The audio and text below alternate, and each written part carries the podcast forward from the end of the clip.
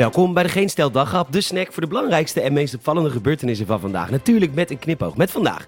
Friesland is het zat, onze eigen private zorg en Griekenland geld zat. Nog meer cadeautjes voor de bevolking.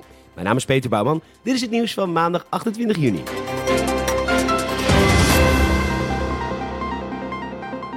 We beginnen direct met onze man in het veld, die toevallig qua stem erg op mij lijkt. Ja, maar dat moet je maar even met een korreltje zout nemen. We hebben allebei feestjes gehad dit weekend. Onze man in het veld is dan toch aangekomen in Friesland, eindelijk. Maar dat was volgens mij helemaal niet gemakkelijk, hè?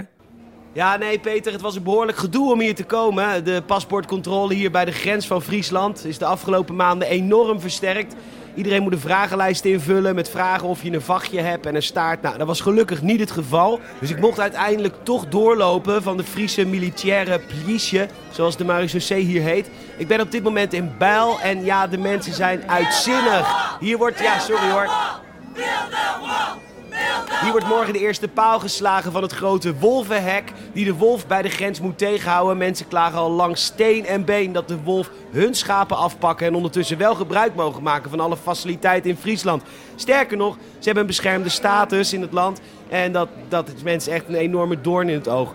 Overigens maakt ook buurland Groningen zich nu zorgen, want daar zijn steeds meer illegale steenmarters te vinden. Dit verhaal wordt dus ongetwijfeld vervolgd en het krijgt Peter een staartje.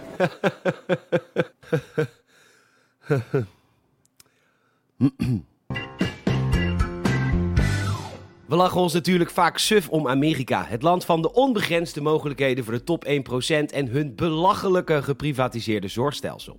Nou, wij in Nederland hebben dat ook. Niet in de reguliere zorg, maar natuurlijk wel in de dierengeneeskunde. Een schrijnend verhaal bij RTV Rijnmond vandaag over het hondje Gino, die een satéprikker heeft doorgeslikt. Die prikker zit daar dus en die moet zo snel mogelijk verwijderd worden. Dat diertje is pas 4, baasje Sabrina emotioneel. En dus denkt de gemiddelde dierenarts dan... Gino, ten dode opgeschreven, tenzij wij hem helpen. Sabrina, wij hebben voor u in de aanbieding twee overnachtingen voor het beestje, een consult zonder enig resultaat. Maar wacht, er is nog meer. U betaalt ons voor een leuke foto van de binnenkant van het beestje. Leuk voor op de schoorsteen, voor als hij er straks niet meer is. Oh wacht, u heeft geen schoorsteen, want u bent arm. Zet hem lekker voor de stadskachel joh, ook leuk.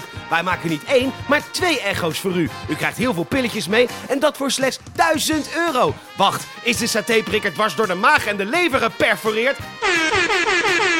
Gefeliciteerd! Dat is een operatie. Dat is dan nog eens 1000 euro. En hij zal moeten blijven voor observatie 500 euro per dag. Van harte gefeliciteerd. Start gerust een crowdfundactie of stort je in de schulden. Dan staan wij altijd voor u klaar.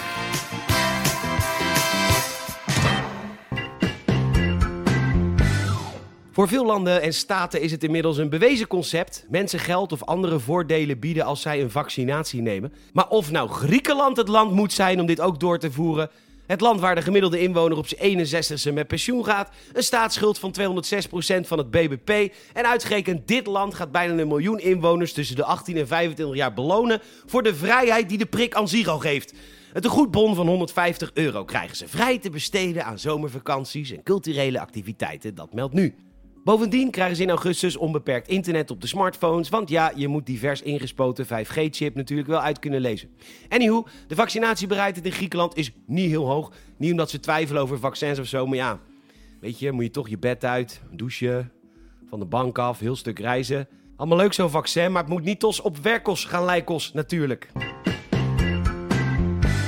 Gisteravond zat ik lekker te zeppen op televisie en na mijn dagelijkse verslaving van hardcore porn wilde ik even kijken wat er met de wereld aan de hand is. En de beste nieuwsbronnen komen altijd rechtstreeks van de overheid. Zo heb je geen gedoe met journalisten en meningen en zo. Dus ik begin met zeppen, de Russische omroep VGTRK, Myanmar Today, de NOS en Kom ik vervolgens langs het Noord-Koreaanse Korean Central Television, zie ik een burger helemaal ten einde raad omdat Kim Jong-un zo is afgevallen. Volgens de collega's van onze staatsomroep noemden ze hem uitgemergeld. Hij ziet er gewoon wat slanker uit, maar het is nou niet alsof hij nu maatje M slim fit shirts met skinny jeans draagt.